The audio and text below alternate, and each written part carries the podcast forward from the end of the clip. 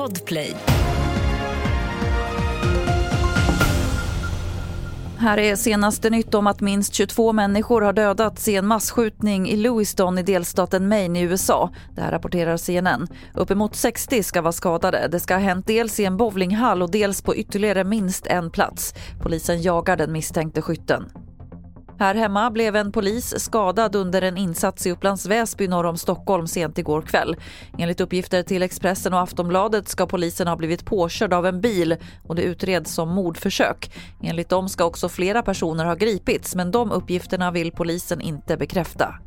Och till sist kan vi berätta att regeringen vill skärpa reglerna för A-traktorer ytterligare för att minska antalet olyckor. De vill se en testperiod på ett år när man tar körkortet och de som under den tiden får det indraget för till exempel fortkörning eller rattfylla måste göra om både utbildningen och teoriprovet.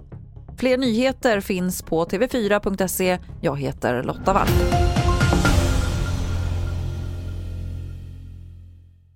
Ett poddtips från Podplay.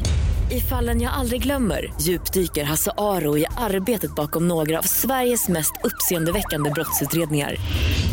Går vi in med hemlig telefonavlyssning och, och då upplever vi att vi får en total förändring av hans beteende. Vad är det som händer nu? Vem är det som läcker?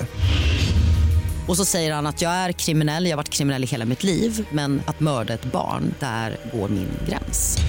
Nya säsongen av Fallen jag aldrig glömmer på Podplay.